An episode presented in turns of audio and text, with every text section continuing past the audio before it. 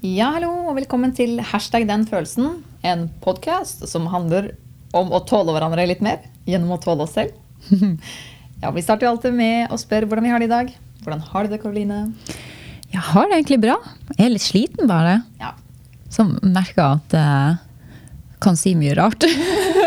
Som kommer ikke ut helt sånn som jeg hadde tenkt det.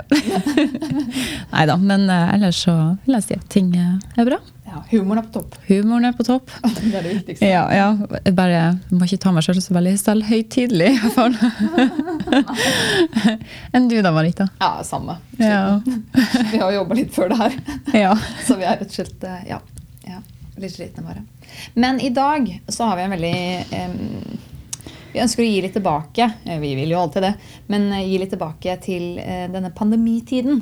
Litt sånn, Det er sikkert veldig mange som føler på frykt nå. Og det kan trigge folk som enten har underliggende angst, lidelse, eller bare mye frykt. Og jeg tenkte rett og slett at vi skulle snakke litt om det i dag. Mm. Mm, for å gi noe konkret. Litt sånn, Hvordan kan man håndtere dette med Hva hva skjer med frykt og angst mm. i en pandemitid? Kan det trygges, eller trygges det ikke? Og til det så har vi huspsykologen vår Kaja, som har kommet tilbake igjen for å hjelpe oss litt med å dykke inn i dette fenomenet. Det er både våre egne og hennes, og litt sånn teoretiske erfaringer og blikk på saken. Mm, ja. Og denne gangen også tenkte vi at vi hoppa bare rett på praten og droppa faktaboksen. Ja, vi har jo snakka om det før. Ja, så hvis uh, dere trenger å vite litt mer om angst, så kan dere høre mer om det i episode to. Ja, Og så finnes det også det. masse på nettet. Absolutt. på norskhelseinformatikk.no. Da står det masse om alle de ulike typer angstene. Angstene, angstlidelsene. Ja. ok, Ja. da setter vi i gang. Mm If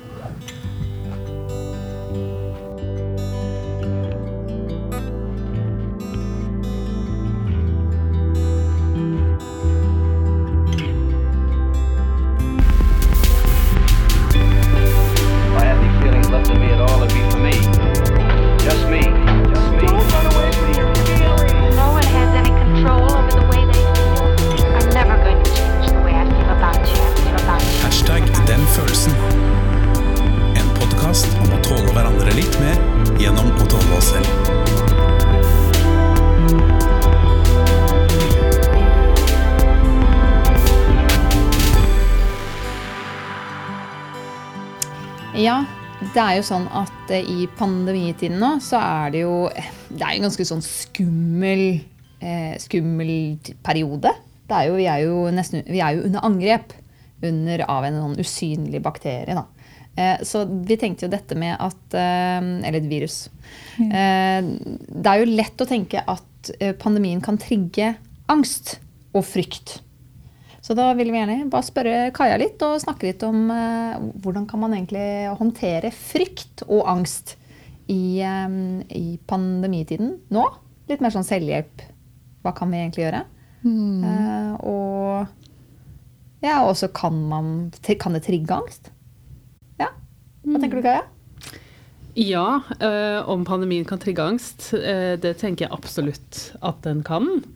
Altså for det er liksom du var inne på at vi er jo i en situasjon som er veldig ny, uforutsigbar. Øh, det skjer veldig mye, på en måte. Vi må passe på å ikke bli smittet og ikke smitte andre. Og så er det jo alt det derre som kommer som en konsekvens av den sykdommen da, og det viruset som er i spredning. Altså det at vi må eh, stenge ned deler av samfunnet, og mange jobber står i fare, og vi kan ikke omgås på samme måte. Altså det er jo en unntakstilstand. Um, noe helt annet enn hva vi er vant til, som kom veldig brått, og som vi ikke vet helt slutten på. Så jeg tenker at det er veldig forståelig at um, en sånn situasjon kan trygge frykt og angst hos eh, de som opplever den. Ja, for du, Marita, har jo kjent veldig på det nå under korona. Ja, jeg har kjent det Ja. veldig. Vil Ja. du fortelle litt om det?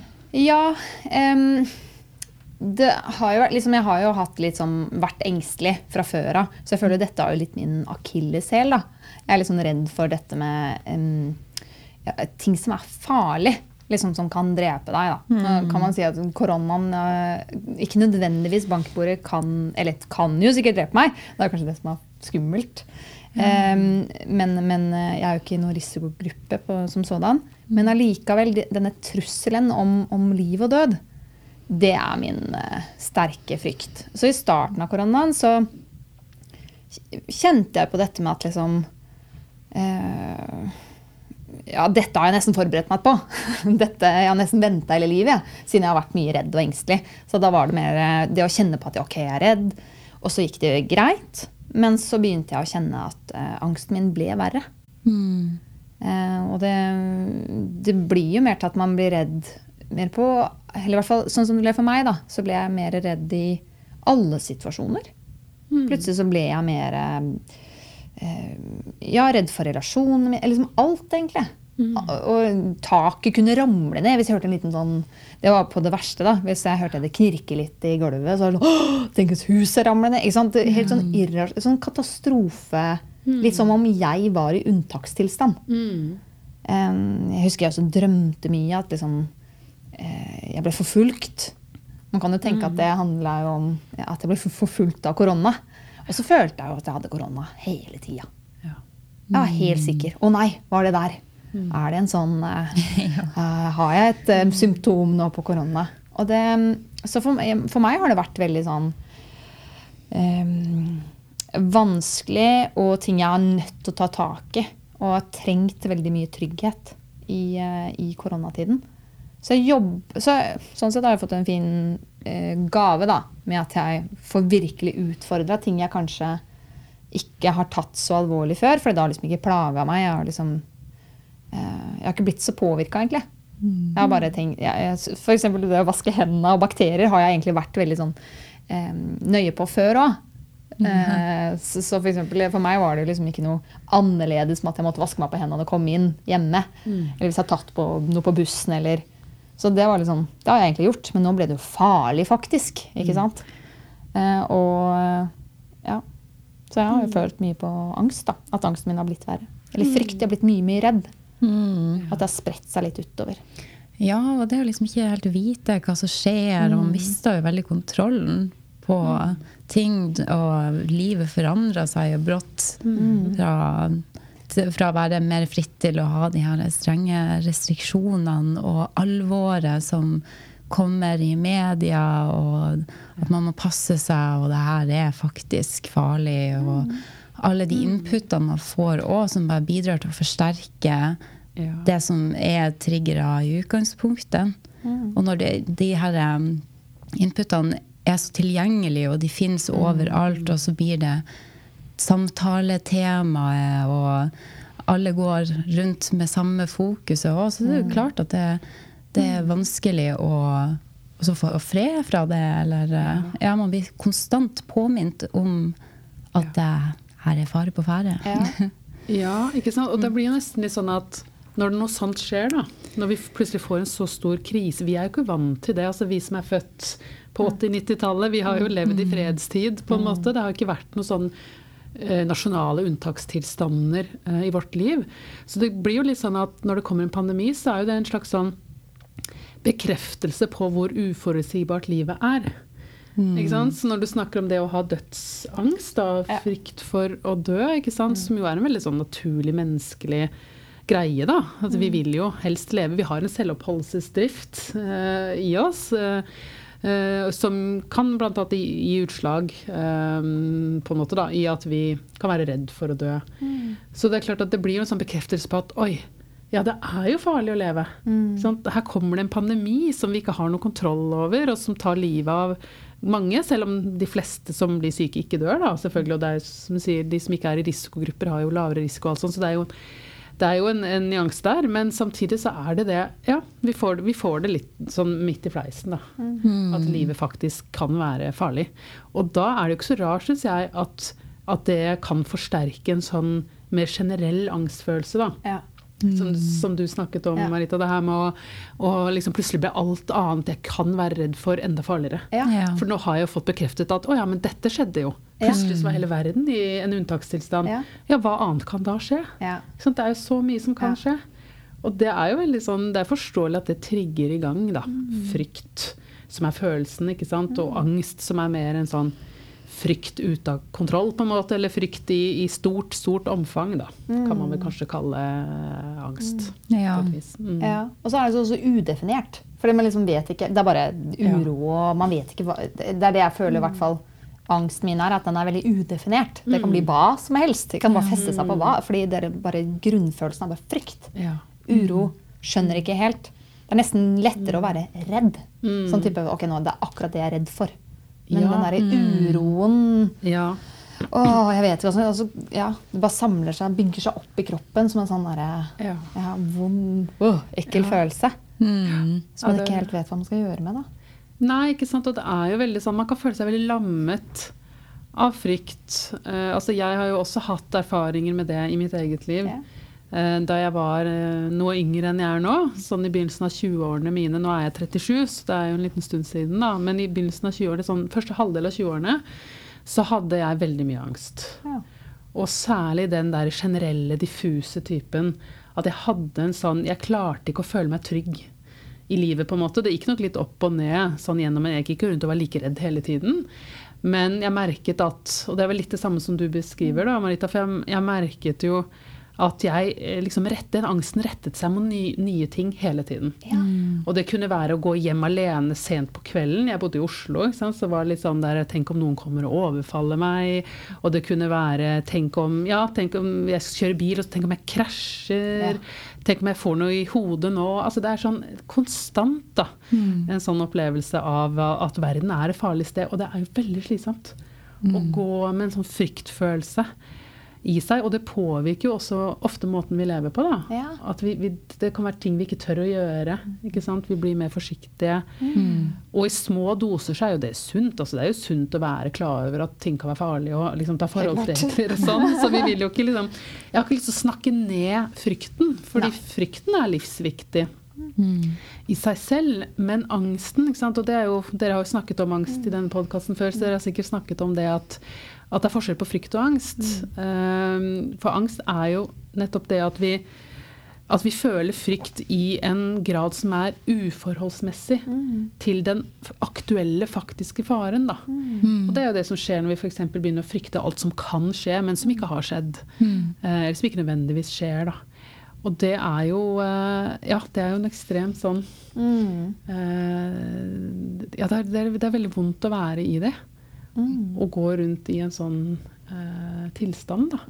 Og det er jo ikke Det er jo ikke, hva skal jeg si, sunt eh, ja, i, i seg selv. Selv om frykten er sunn å ha med seg i livet, så er Ja. ikke angst sunt. Nei, det er veldig slitsomt, som du sier. Ja. Man- Man blir jo drenert.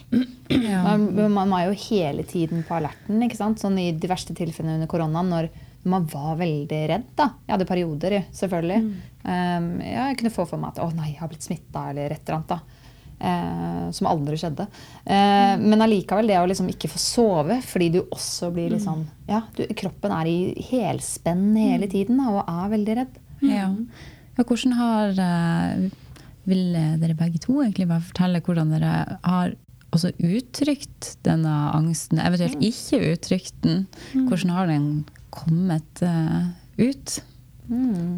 Ja, Tenker du sånn ut til andre? Altså sånn hvordan det se, så ut på utsiden, på en måte? Eller, eh, Ja. eller hvordan det påvirket livet? Egentlig begge deler.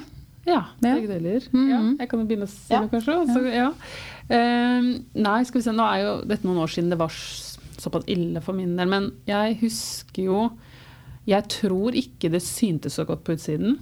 Jeg tror ikke jeg viste det. Jeg fortalte nok om det til noen, kanskje, av de som sto meg nærmest. Men det var veldig sånn Jeg husker jo at jeg ikke syntes det var så greit å forholde meg til at det var sånn. Altså jeg, jeg, jeg synes, det var ikke noe jeg snakket veldig høyt om, og som jeg egentlig Eller som jeg hadde så veldig Ja, jeg syns jo både det var plagsomt og sikkert også litt sånn flaut, på en måte. Jeg skjønte på en måte at dette er overdrevet. Men, men frykten var jo der likevel. Den satt jo i kroppen min. Så, så det var liksom sånn Jeg ville ikke at det skulle være sånn, men, men det var sånn. Så jeg gjorde ikke så veldig mye. Jeg vet ikke hva jeg gjorde for å håndtere det heller. Jeg gjorde ikke så mye konkret. Annet enn det som man jo ofte gjør når man har mye frykt, at man prøver å regulere frykten gjennom å ta kontroll. Ja. Eh, F.eks. ved å unngå ting. Eller ved, jeg husker at jeg drev også Så nå er jeg litt over på hvordan det påvirket hverdagen min. da. Ja. Jeg husker f.eks. når jeg skulle gå hjemmefra. eh, Jeg bodde i en leilighet på det tidspunktet her. Og når jeg skulle gå hjemmefra og dra på forelesning, for, eksempel, for jeg studerte på den tida her, så var det sånn at det tok meg jeg, tror, jeg tok ikke tiden på det, men det tok meg mye lengre tid enn i dag å bare gå hjemmefra. Fordi jeg måtte ta sånn sjekkerunde. Jeg måtte gå og se eh, om ovnen var skrudd av, og ikke bare én gang. Jeg måtte sjekke kanskje tre-fire ganger at stekeovnen var skrudd av, og at ikke det lå noe over eh, varmeovnene og tildekket dem, og at, alle, at verandadøra var låst.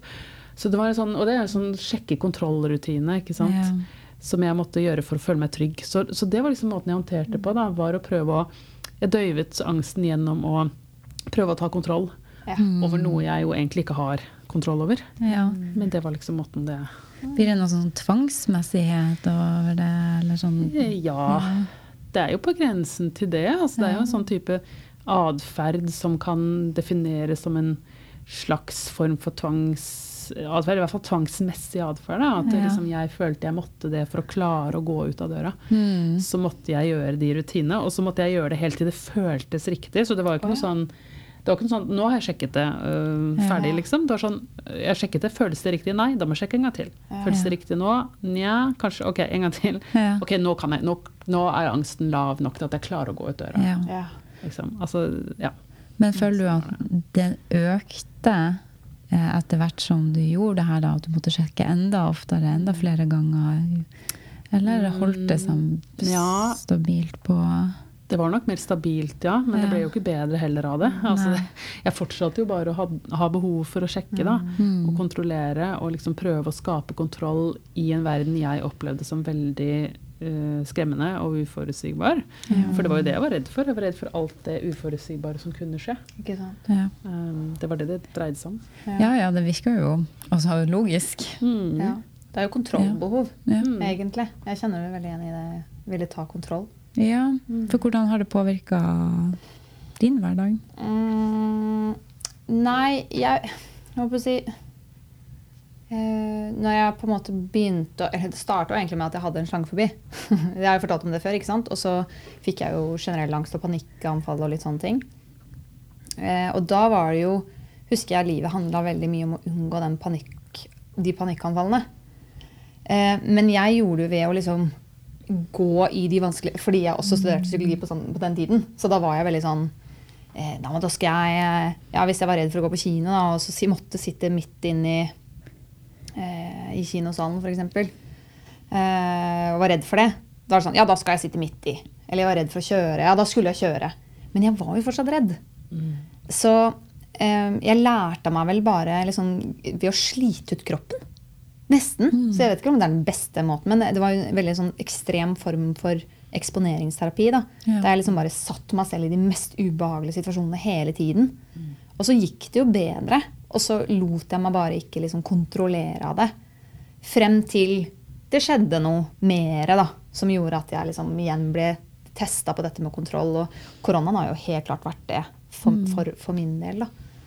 Ehm, det må liksom Ok, nå kommer mitt største mareritt, ikke sant? Ja. Og så skal jeg gi meg hen til det her. Nei, og i starten var det liksom Å, dette har vi forberedt på. Marita, dette er bra. Nå kan jeg beskytte meg, og så ble det bra. Men med så lang tid så ble det jo veldig slitsomt. Mm.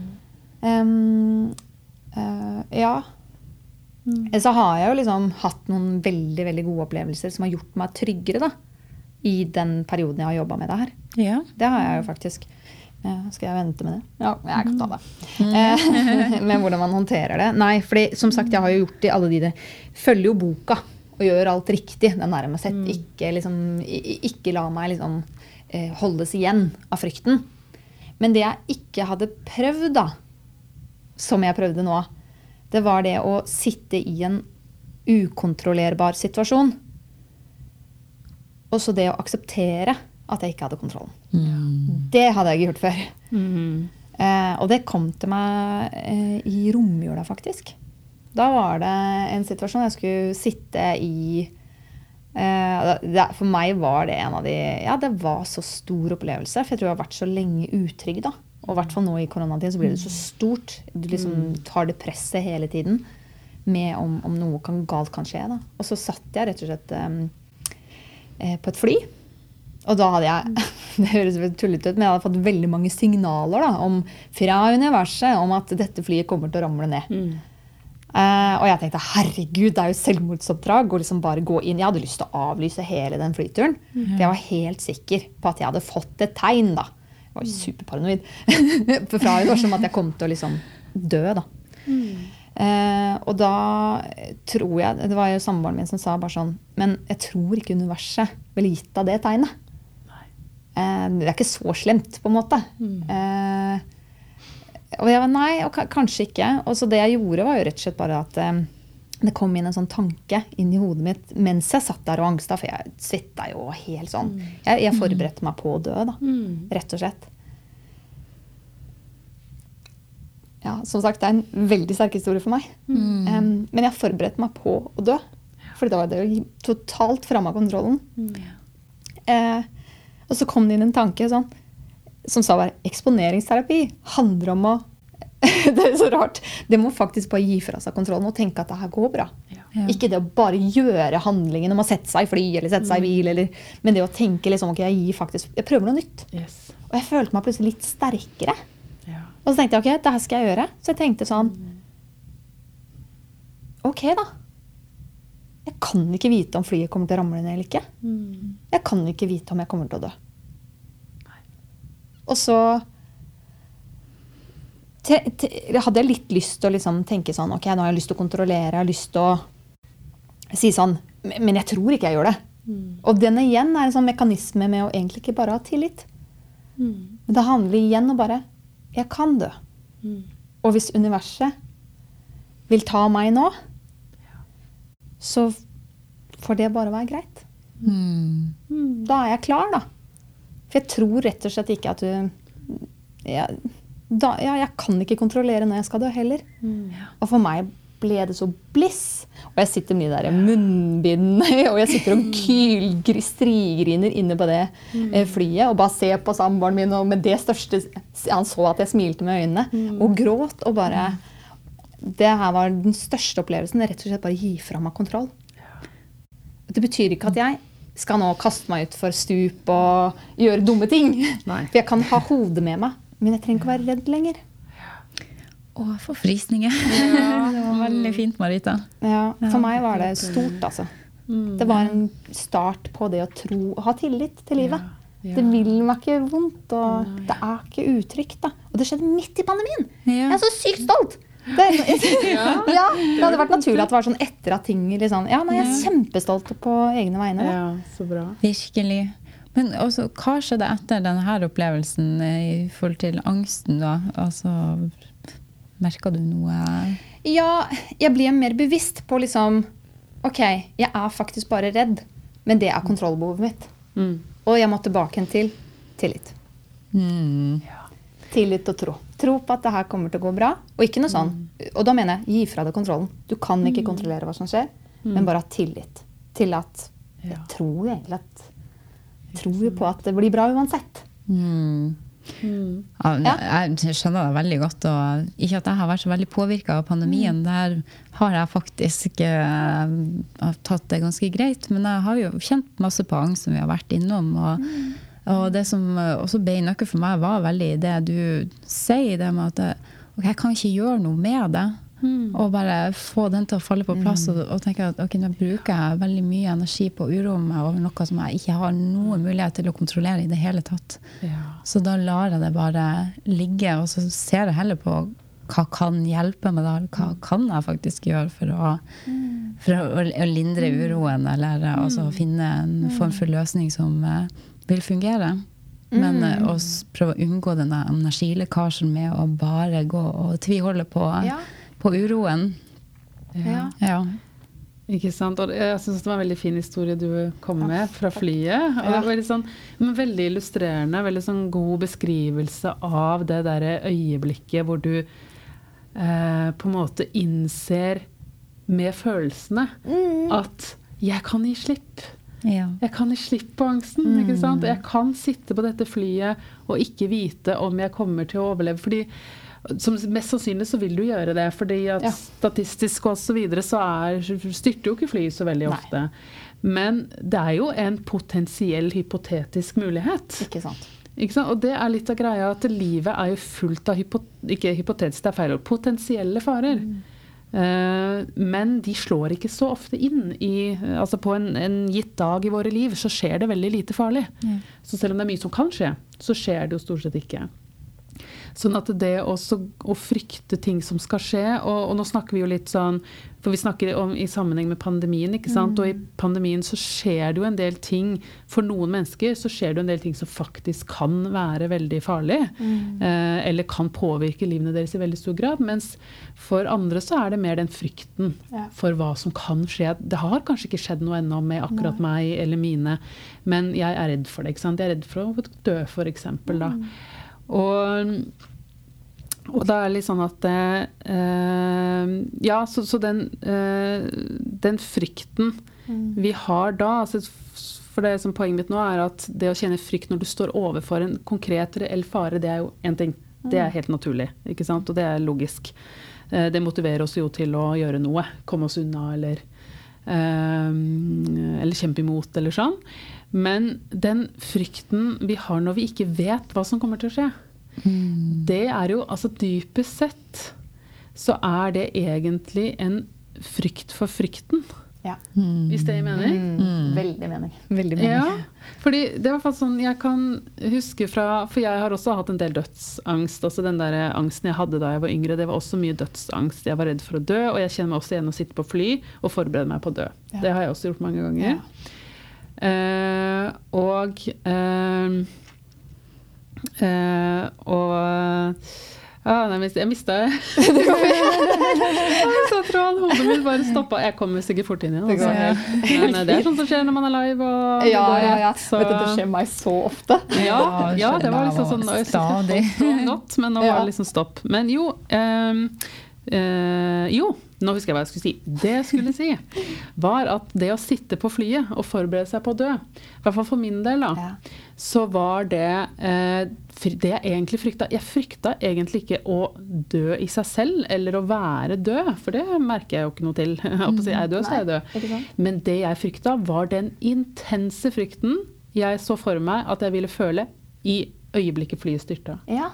Så det er jo den frykten jeg egentlig er redd for. ja. Mm. Jeg kjenner det igjen. Jeg, ja, du Ja, ja. kjenner deg igjen i det? Jeg kjenner det- veldig igjen. Ja, jeg er, ikke, jeg er ikke redd for å dø i seg selv. Nei, men jeg er frykten er jo dritskummel! Ja, jeg er redd for frykten. For, og det var det jeg så for meg i hodet mitt når jeg satt på flyet og, og forberedte meg på å dø. Jeg også, så så jeg for meg hvor innmari grusomt det ville være å, å sitte på et fly som styrter og vite at nå skal jeg dø, og den frykten du må føle.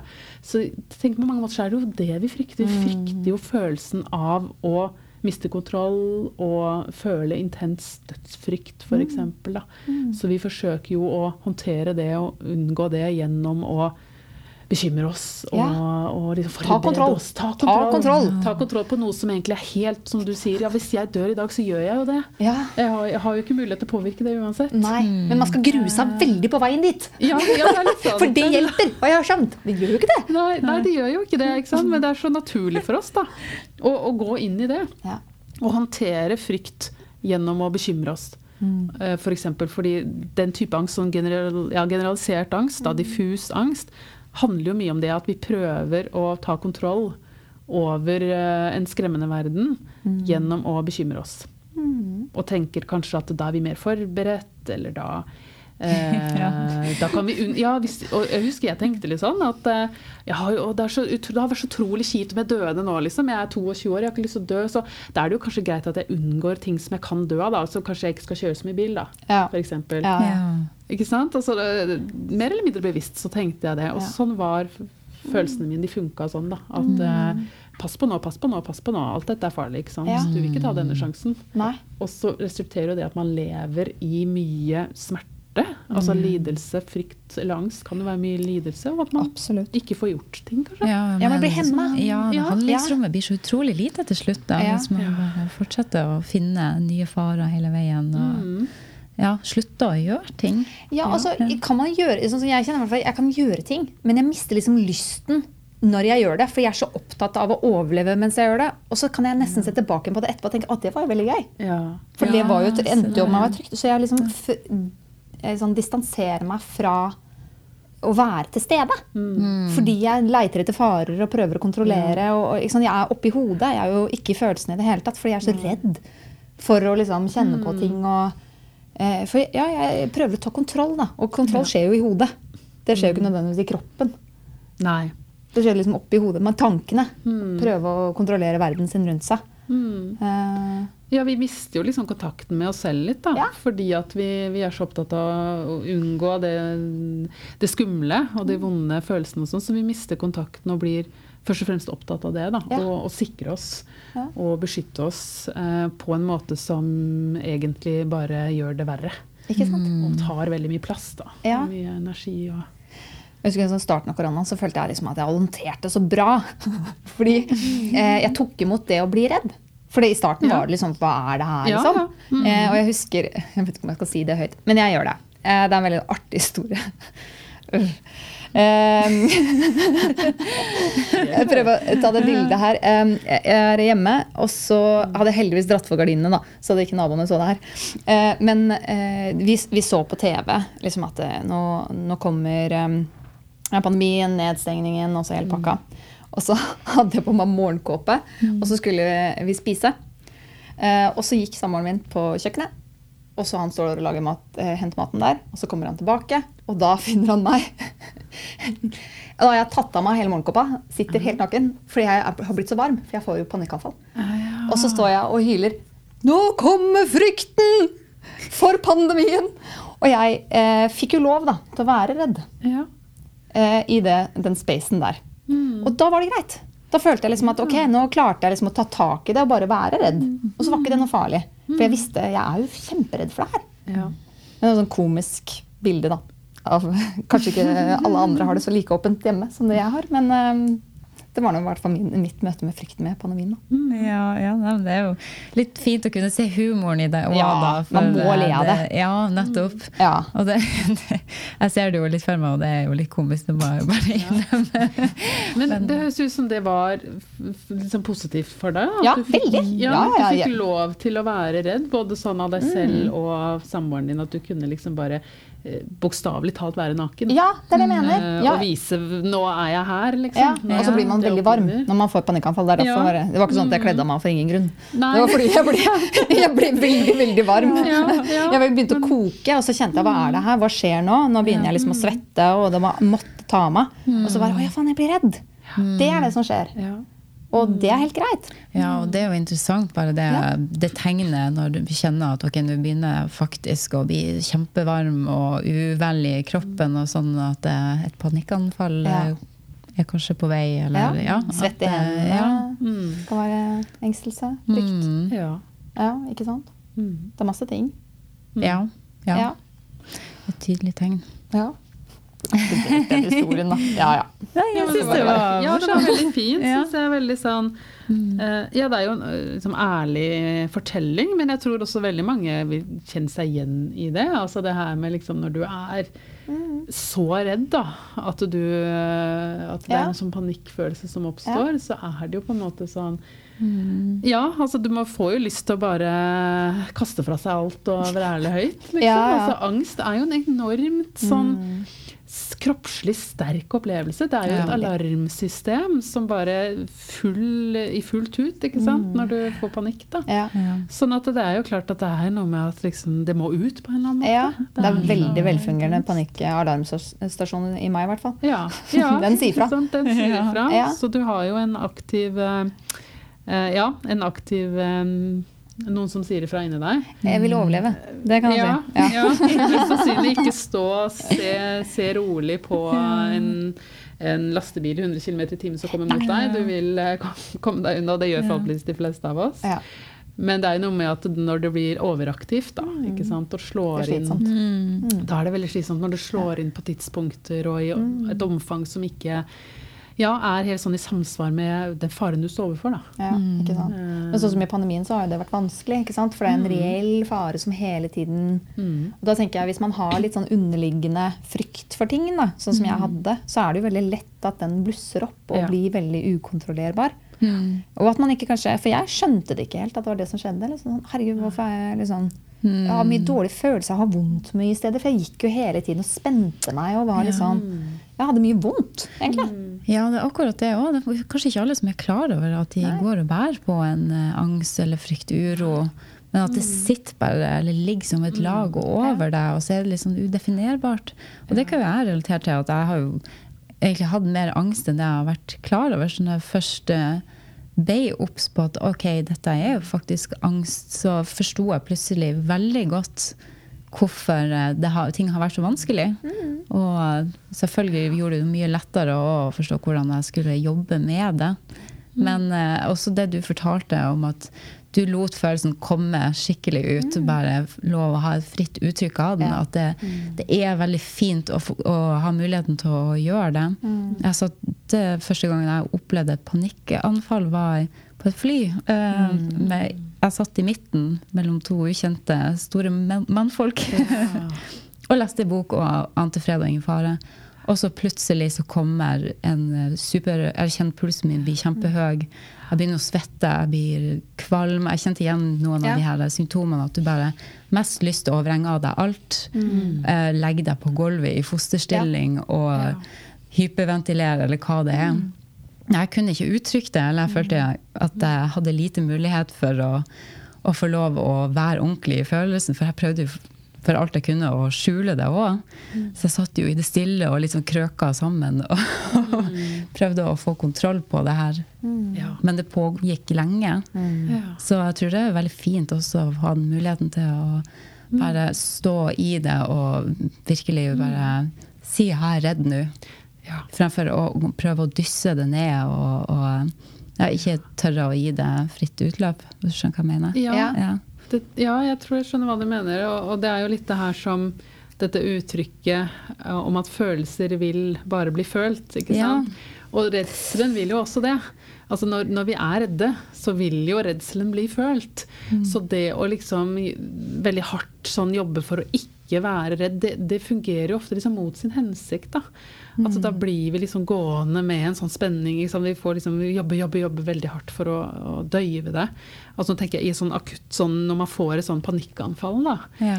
Eh, og så er det veldig vanskelig, for det blir så sterkt ofte at du nesten ikke klarer det. Ikke sant? Eh, mens det å liksom bare få lov til å få sånn fritt utløp Ok, nå er jeg redd. Eh, ja, da får jeg kjenne litt på det, da. Så vil jo følelsen lettere kunne avta. Ja, nettopp. eh, Etterpå. For, for det når jo liksom en topp, og så går det ned igjen. Så kroppen klarer jo ikke å opprettholde Slitsomt. eh, Ja, Ja. altså kropps, fysiologisk kroppslig så klarer ikke kroppen å opprettholde en sånn alarmtilstand så veldig lenge. Ja. Så den vil gå over. Men mens hvis vi hele tida liksom hvis, Ja, hvis vi prøver veldig hardt å unngå det, da, så holder den lengre i. Og så blir vi jo reddere for å få det igjen, for at det skal skje igjen osv. Så, videre. så det er jo sånn frykt kan også forplante seg til angst, da. På en måte. At vi, det blir en større greie, liksom. Det blir sånne ja, ringvirkninger av enkelte erfaringer, kanskje. da, Som Ikke vi har, hvor vi er redde. Ja, ja, helt klart. Men jeg kjenner også sånn den der, å ha sånn kontrollmekanismer. Jeg også visste jo om de tingene. sånn den der, Å gå inn og sjekke. Har jeg låst? Har jeg det? Og liksom sånn. Men jeg prøvde å ikke gjøre det. Men jeg hadde jo mine egne. Liksom sånn derre eh, Hvis det var et eller annet Jeg er jo veldig redd for å få sånn allergisk sjokk av eh, mat. For eksempel. Det er, ja, ja, fordi igjen, det kan jo være død, og så har jeg ikke kontroll på det. Ja. ikke sant? Og da var det jo liksom så mange ganger jeg har ringt kjæresten min for å si sånn Er det farlig å Eller hvis, jeg, hvis du nå finner meg død når du er hjemme, så er det fordi jeg nettopp har spist for første gang. eller et eller annet sånt der. Så jeg kjenner jo igjen den derre sjekke just in case. Ja. Men de er jo med på å opprettholde en sånn derre Ja. at eh, ja, jeg er litt redd. Ja. Jeg har egentlig ikke helt tillit Mm. til at det her kommer til å gå bra. da. Ja, det er akkurat det det gjør. Altså det, får deg, det, det er jo også med på å opprettholde bildet av verden som et farlig sted. Ikke sant? Ja. Eh, I stedet for det å mer forholde seg til det som at ja, det er mange potensielle farer, men de slår som regel ikke inn. Og litt sånn som du sa med det her med flyet, ikke sant. At ja, ja, dør jeg nå, så gjør jeg jo det. Jeg får ikke gjort noe med det. Nei. Så det hjelper ikke at jeg sitter her og, og prøver å forberede meg på å dø, for jeg har ikke noe kontroll over det uansett. Nei. Ja. Så, så det er jo noe med det at når vi prøver å ta kontroll da, over eh, verden og hva som skjer med oss og, og frykten vår og sånn, så, så blir det bare verre. ja. Sånn kort fortalt. Ja. Ja. Det kjenner igjen det. Ja.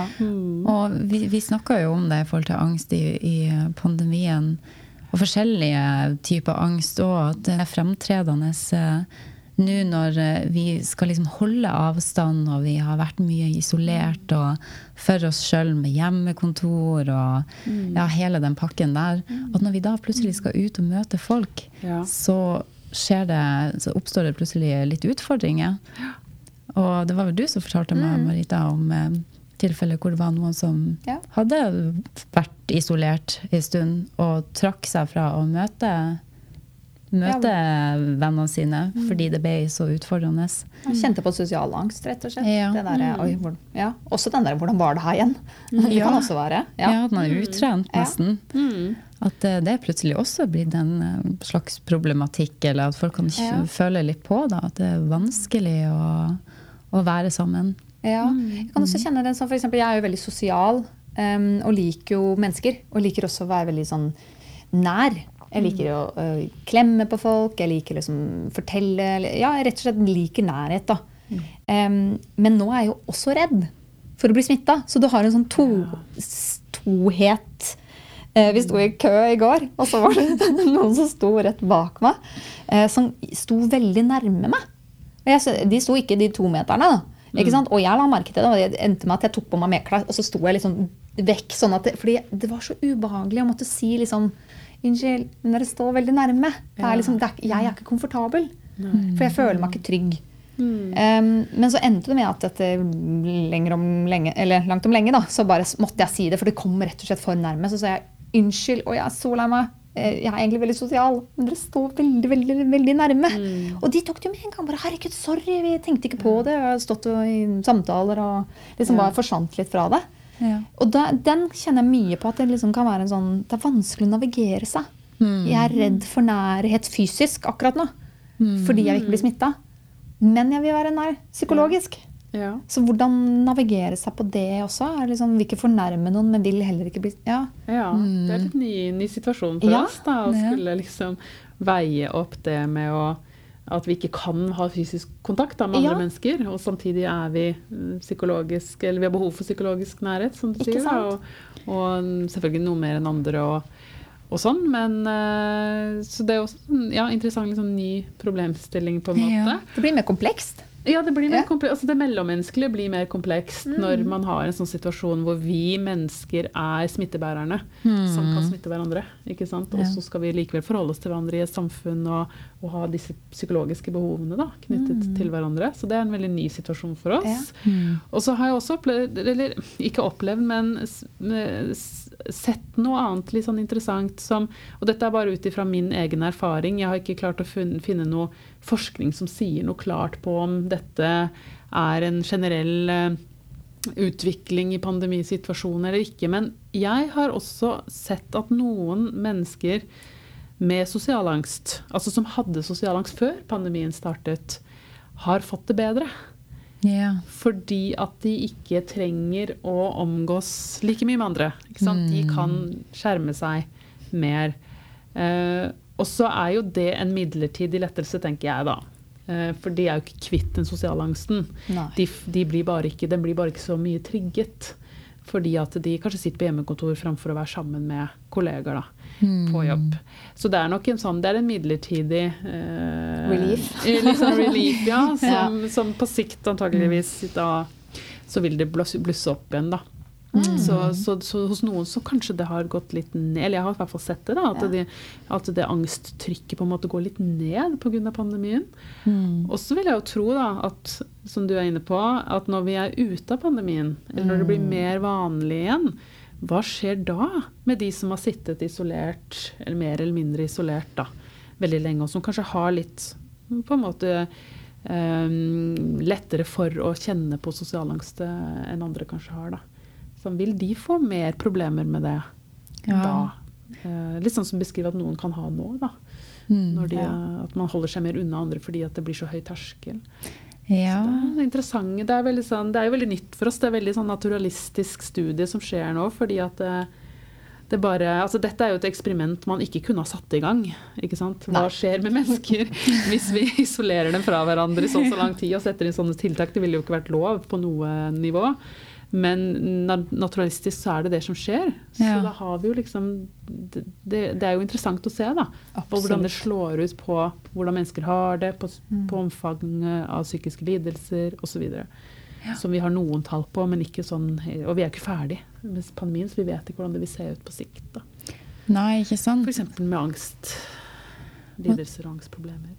Og jeg tenker jo, for vi har jo det vanlige spørsmålet vårt, hvordan vi håndterer det her, da.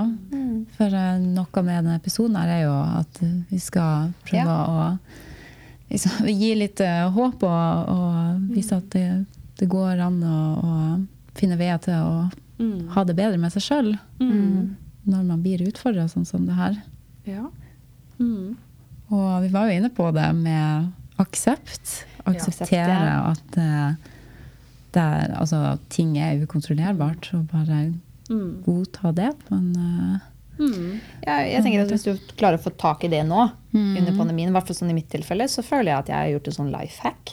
Ja. Sånn type, for det vil jo hjelpe meg uansett. ja. Det er jo slipp kontroll. Mm. Uh, så jeg har jo følt at, nest, ja, at, da, at jeg har fått det bedre med det da, i Ja. koronaen. mm, Akkurat det, fordi ja, jeg er blitt mindre redd. mm. Men det betyr ikke at jeg er mindre uforsiktig. Det er bare at jeg ikke tenker på koronaen hele tiden, som jeg gjorde. mm, Liksom sånn, og jeg ser hun tok den koppen der. Ok, hun har ikke vaska den hånda. Nei, da må jeg passe på at den Ok, nå tok hun sånn, Det er nesten sånn sykelig. ja. ja. Det går fra det til Ok, jeg passer på meg selv. Jeg vasker hender. Jeg tenker litt statistisk sett hva er farlig, men jeg følger reglene. Jeg følger smittevernreglene. Jeg forholder meg, Og så kan jeg faktisk Det var også en ting som hjalp meg. Akseptere. Husker jeg kom inn til sam- samboeren min, får høre mye. kom inn til han en dag og så sa jeg, du, jeg kan faktisk få korona. ja. Og han bare Det er sant. Ja.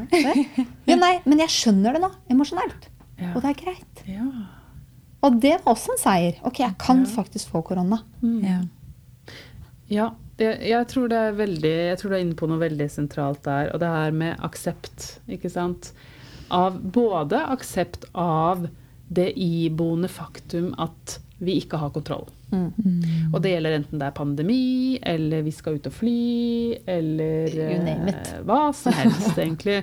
At vi har ikke kontroll, og det um, Altså, vi kan selvfølgelig Som du sier, du følger smittevernregler, ikke Mm, sant? Så det er ikke sånn at er, vi kan like, like greit gi opp alt. Nei. Og bare la humla suse og, og la det flyte. Og Det liksom fins ingen pandemi. Ikke sant? Det er ikke der. sant? En annen ekstrem eh, versjon. Sånn at eh, vi, vi trenger jo ikke å havne der. Så det er noe med eh, og liksom, Ja. Altså, og det er liksom forskjellen på uh, ja, problemløsning, da. Ikke sant? Problemhåndtering. Og mer sånn eh, angsting, for å kalle det det. Ja. Altså, forskjellen der er nettopp det at problemhåndtering handler om å ta tak i de tingene vi kan ta tak i og har kontroll på. F.eks. hvor ofte jeg vasker hendene, om jeg bruker munnbind, ikke sant, disse tingene her. Mens det jeg ikke har kontroll på, det har det jo ikke noe for seg at jeg prøver å ta kontroll på. Nei. Så det med å skille de to tingene der, og liksom jeg gjør så godt jeg kan, og mer får jeg ikke gjort. Og så er resten opp til skjebnen, for å Ja. kalle det det. Altså, eller tilfeldighetene, da. Ikke sant? Og så det å, å liksom komme dit, Ja. eh, og, og liksom kunne hvile i det, på en måte. At sånn er det bare. Ikke sant? Det er det ene at vi, vi kan liksom tåle at, det er, at livet er usikkert. Eh, bare deale med det, på en måte. Og så og så er det jo også eh, å akseptere Eller på en måte kanskje ha tillit til at vi vil tåle de følelsene som ubehagelige hendelser i livet kan gi oss, da. Ja. Ikke sant? Altså, selvfølgelig hadde jeg styrtet med flyet den dagen, så hadde det vært, hadde det vært grusomt å kjenne på det. Eh, men samtidig så hadde det vært fort over. Så det er litt sånn Ja. det er, det er, ja, Derfor Ja. kan jeg liksom tenke at det ikke har så mye hensikt å, å, å grue seg til det eller forberede seg på det. da. Nei. Men veldig mange av de ubehagelige hendelsene vi ser for oss som ikke er døden, Mm. er jo ikke så ubehagelige at vi ikke vil takle dem. Mm. Så det er jo mer det at vi, vi er redde for å føle vonde følelser, eller at ubehagelige ting skal skje. Uh, ikke sant? Så, så det å komme til en eller annen sånn aksept på at sånn er livet, og det kan jeg tåle, og hvis jeg ikke tåler det, så får jeg uansett ikke gjort noe med det. Liksom. Men sånn, der er ringen litt sluttet, da. Ja. Uh, Ja. Og det er selvfølgelig, nå snakker vi om det på en veldig sånn kognitiv måte. Ja. Altså Vi snakker om det som et begrep, et fenomen. Det kan man gjøre. Det å få følelsene med på det er jo en større Det er en større jobb. Ja. Og det tar jo jobbing. Men, men, men det er noe med liksom Noe med tro òg. altså, litt den derre å tro på det beste. Det er tillit, egentlig. Ja. Det er, det er faktisk litt tro. ja. Det er, eh, for meg var det litt Det er så dumt når man sier en sånn eh, type en sånn spirituell, religiøs opplevelse. Ja. Det var Ja. det egentlig for meg. Ja. Litt sånn Ok, det er et nytt verdensbilde. ja. egentlig. Så Ja. det, for meg ble det jo kjempemagisk. Det ble sånn, Wow, shit, kan jeg leve i en verden der jeg ikke har kontrollen? ja. Oh, wow! Og det, ble, Det det, er det er derfor det ble så stort da, ikke sant? Mm. Eh, og så har jo det mange assosiasjoner med seg, disse spirituelle, religiøse, som, som mange kan mene mye om. Mm. Men det handler faktisk om å ha tillit. Ja. Liksom. Hva er det verste som kan skje? Ok, du kan ikke ha kontrollen allikevel. Mm. Skal jeg da leve hele livet med å være redd, da? Just in case. Ja. Og, og lide Ja. meg gjennom livet til Mm. den dagen jeg eventuelt For mitt tilfelle så har jo dødsangsten vært det største. da. Ja. Til den dagen jeg en gang dør allikevel. ja. Og har jeg levd av livet? ja. Det ble litt sånn spørsmål. Shit, jeg vil jo leve. Mm. Men da må jeg jo tørre å leve det òg. Mm. Det, og jeg kan kjenne meg igjen i det du sier om en slags sånn eh, for, for du beskriver det som en spirituell Ish, ja. ja, Ja, religiøsaktig opplevelse, eller sånn innsikt at liksom Der bare innså jeg det, ikke Ja, sant? At for jeg folk kan komme. Ja, Ja, ja. ja, jeg kan liksom legge min lit til en eller annen større orden eller et eller annet sånt. Og det kan jeg kjenne meg igjen i. Ikke sånn, jeg har ikke noe religiøs tro eller tilhørighet, men jeg kan kjenne meg igjen i det å gi meg hen Ja. til på en slags, til kosmos, på en måte. Ja. da, liksom. Ja, det var sånn jeg følte det. Ja, Ja. Det, som, det som skjer, det skjer. ikke Ja. sant? Og, og den der forskjellen mellom hva jeg kan kontrollere og ikke kontrollere, det er veldig sånn Hvis man kommer dit, at man ser den, og er klarer å være komfortabel med å gi seg hen, da. Ja. Til tilfeldighetene eller kosmos eller en gud, hvis det er det man tror på. Eller, altså, å, å tenke at det er uansett noe utafor meg og noe større enn meg som bestemmer dette her. Hvordan ting skal gå. Mm. Det, den, den makten og det ansvaret har ikke jeg, utover det jeg kan konkret gjøre. Da. Og det er en veldig sånn, jeg er også Ja. enig i det, det er en veldig sånn forløsende, lettende følelse. At det er liksom sånn, ja, men sånn kan man også leve. For, I hvert fall for oss som har følt mye angst, eller vi har jo Ja. alle tre her kjent på angst, da, vi som har gått mye i sånn Ja. generalisert angst og sånn, og prøvd å liksom mm, forberede oss på å beskytte oss mot alt det skumle. Så er det veldig sånn, å, så deilig å bare gi slipp på det. Ja. Og bare gi seg hen til, uh, ja, til verdensordenen, liksom. ja. Det er noen som har meg. Det liksom, det er ikke noe jeg trenger å Ja, Nei, det ligger ikke hos meg. Sant? Jeg får ikke gjort noe med det. Jeg vil nyte livet. Ja. Ja. Og det er den der tillitsbiten. Altså, sånn som jeg har nevnt tidligere, dette med at um, frykt banket på døren, og tillit åpnet opp. Det sto ingen der. Mm. Og tillit er jo det der med liksom Jeg har tillit til Det her går fint. Den nøytraliserer Ja, og da blir man jo ikke redd. For redden, eh, frykten er jo liksom Den trenger at du blir redd for å skal være der. Ja. Og med en gang man sier sånn Men jeg er ikke redd, da. Mm. Og det er forskjell på som vi har snakket om, frykt og, og reell fare. Ja. Det er to helt forskjellige ting. ja. Mens frykt jeg kan ikke drepe deg, kan ikke skade deg. kan ikke liksom sånn, den, bare, den er alarmsystemet. Det er den som sier fra at det er noe galt her. Ja. Mens den reelle faren, den må man se, da. Ja. I visse, sånn, man skal se for seg når man går over veien. ikke sant? Alle Ja. sånne basic ting. Ja. Men jeg har sett flere som bare ikke er redde, men fortsatt klarer å se for seg farer. Og er, Ja. forsiktig. Ja. Men de er ikke redde. Og da blir jeg sånn Åh, jeg vil leve det livet. ja. Ja, ikke Jeg har ikke lyst til å bli hemmet av å liksom Men det handler igjen, for min del har det bare handlet om tillit. Og selv om jeg hadde den opplevelsen i flyet, så fikk jo jeg prøvelse på prøvelse på prøvelser. Som, som jeg kan liksom høre igjen litt fra den der religiøse greia. Når folk har sagt, å Gud tester meg. ikke sant? Den der, Ja. jeg, jeg kan føle, jeg, Det var litt det samme Ja. for meg også. litt den der, ok, Har jeg tillit igjen? Vil jeg gå tilbake til kontroll? Nei. Tillit, det prøvde jeg. Det var veldig bra. Det likte jeg. Mer av det. Ja, det. Gi meg hen. Ok, da, da gjør jeg det. Jeg stoler, For meg var det også sånn skjebnen. Ok, Jeg stoler på det. Ja. Det som skal skje, det skjer. Ja. Det er ute, utenfor min kontroll. Mm. Og at universet vil meg vel. Ja, ikke sant. Grunnleggende er ting godt. Ja. Og eh, jeg tenkte i forhold til håndtering og sånn, eh, det med tillit og hva man putter inn i livet sitt eh, i en, en eh, periode hvor det mye skjer rundt den. Og det ble i hvert fall veldig tydelig for meg at i starten av pandemien, da vi som sagt ikke helt visste hva det her var, og hva som skjer, og det var nesten litt sånn krigfølelse, eller hva man skal kalle det for, så var jeg veldig mye og sjekka nyheten hele tida, fulgte med, oppdaterte meg eh, på det ytre. Det, som, og det var jo selvfølgelig viktig. Men, uh, og jeg var jo ikke redd. Eller, altså sånn, jeg hadde ikke angst, sånn som vi snakka om mm. den, i, i tråd med det. Men jeg merka hva det gjorde med meg å hele tida oppsøke Ja. de nyhetene og, og det, det som Det er jo veldig fryktbasert, Ja. det, det vi får av informasjon. Ja. Og jeg syns ikke media har vært så veldig gode på å, å dempe frykt. Mm. Det har jo bare vært å pøse på med dødstall og med smittetall og ja, Mm. hele den pakka der. Så det ble tydelig for meg at det her, det her må jeg slutte med. Å gå og sjekke VG eller hva, hva en eh, avis seks ganger om dagen. Mm. Ja. Og, og hele tida være på hugget der. Så jeg tok meg faktisk en sånn nyhetsdetox. Og heller fikk, fikk de oppdateringene jeg trengte gjennom eh, folk som var flinke å holde seg oppdatert. og ja, bare tok litt avstand. Og, Ja. og så prøvde jeg å, å finne lyspunkter som, eh, som gjorde at jeg kunne ta noen skritt ut av stormen.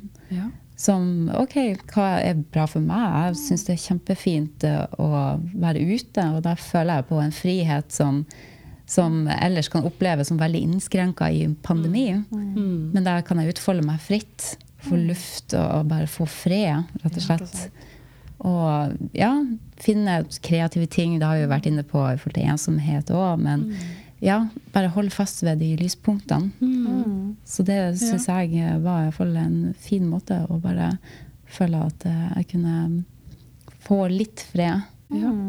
rundt og oppleve at pandemien ikke tok så mye plass. Ja. Ja. Det høres ut som en god strategi. Og jeg vil bare tipse igjen da om denne nettsiden som heter diggsyk.no.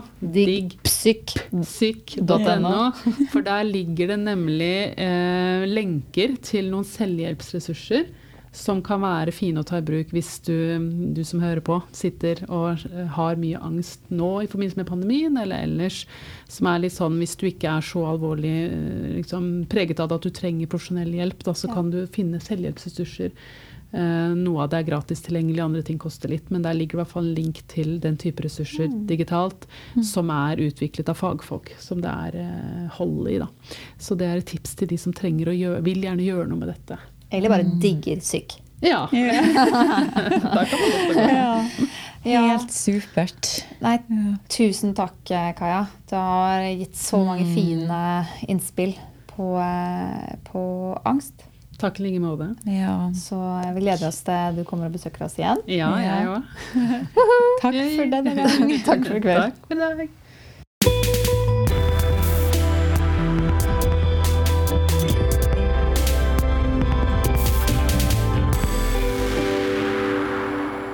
Ja, da har vi spilt inn episode om eh, angst i pandemien. Og litt generalisert angst òg. Ja. Og jeg må jo bare si at jeg syns det er utrolig fint å ha hun, eh, Kaja her. Hun har så mye godt å komme med som jeg føler er viktig å få fram. Ja. Sier jeg, føler jeg sier det om eh, stort sett alle gjestene vi har. Ja. Vi har fått en veldig klok eh, huspsykolog. Ja, Ja. nettopp. Ja. Noe som virkelig kan faget her. ja.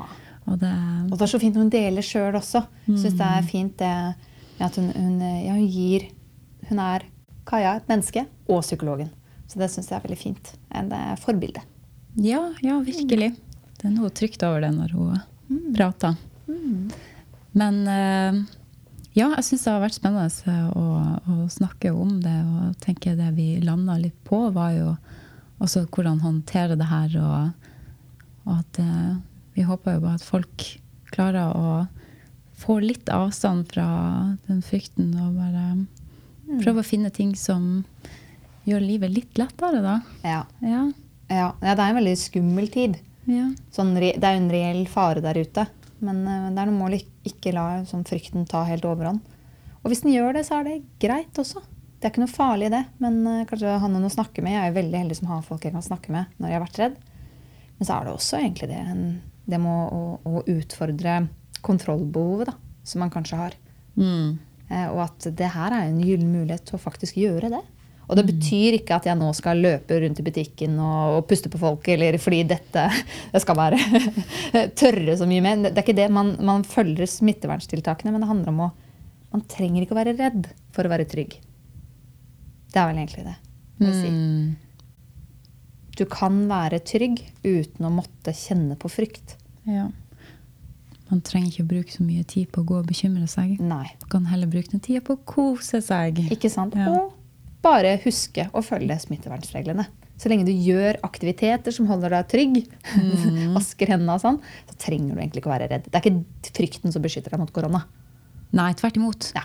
Man får uh, dårligere immunforsvar Ja, det av også. frykt. Ja, Ja. det er sant. Mm. Og så kan du bli litt uoppmerksom. Nei da, kan ikke det.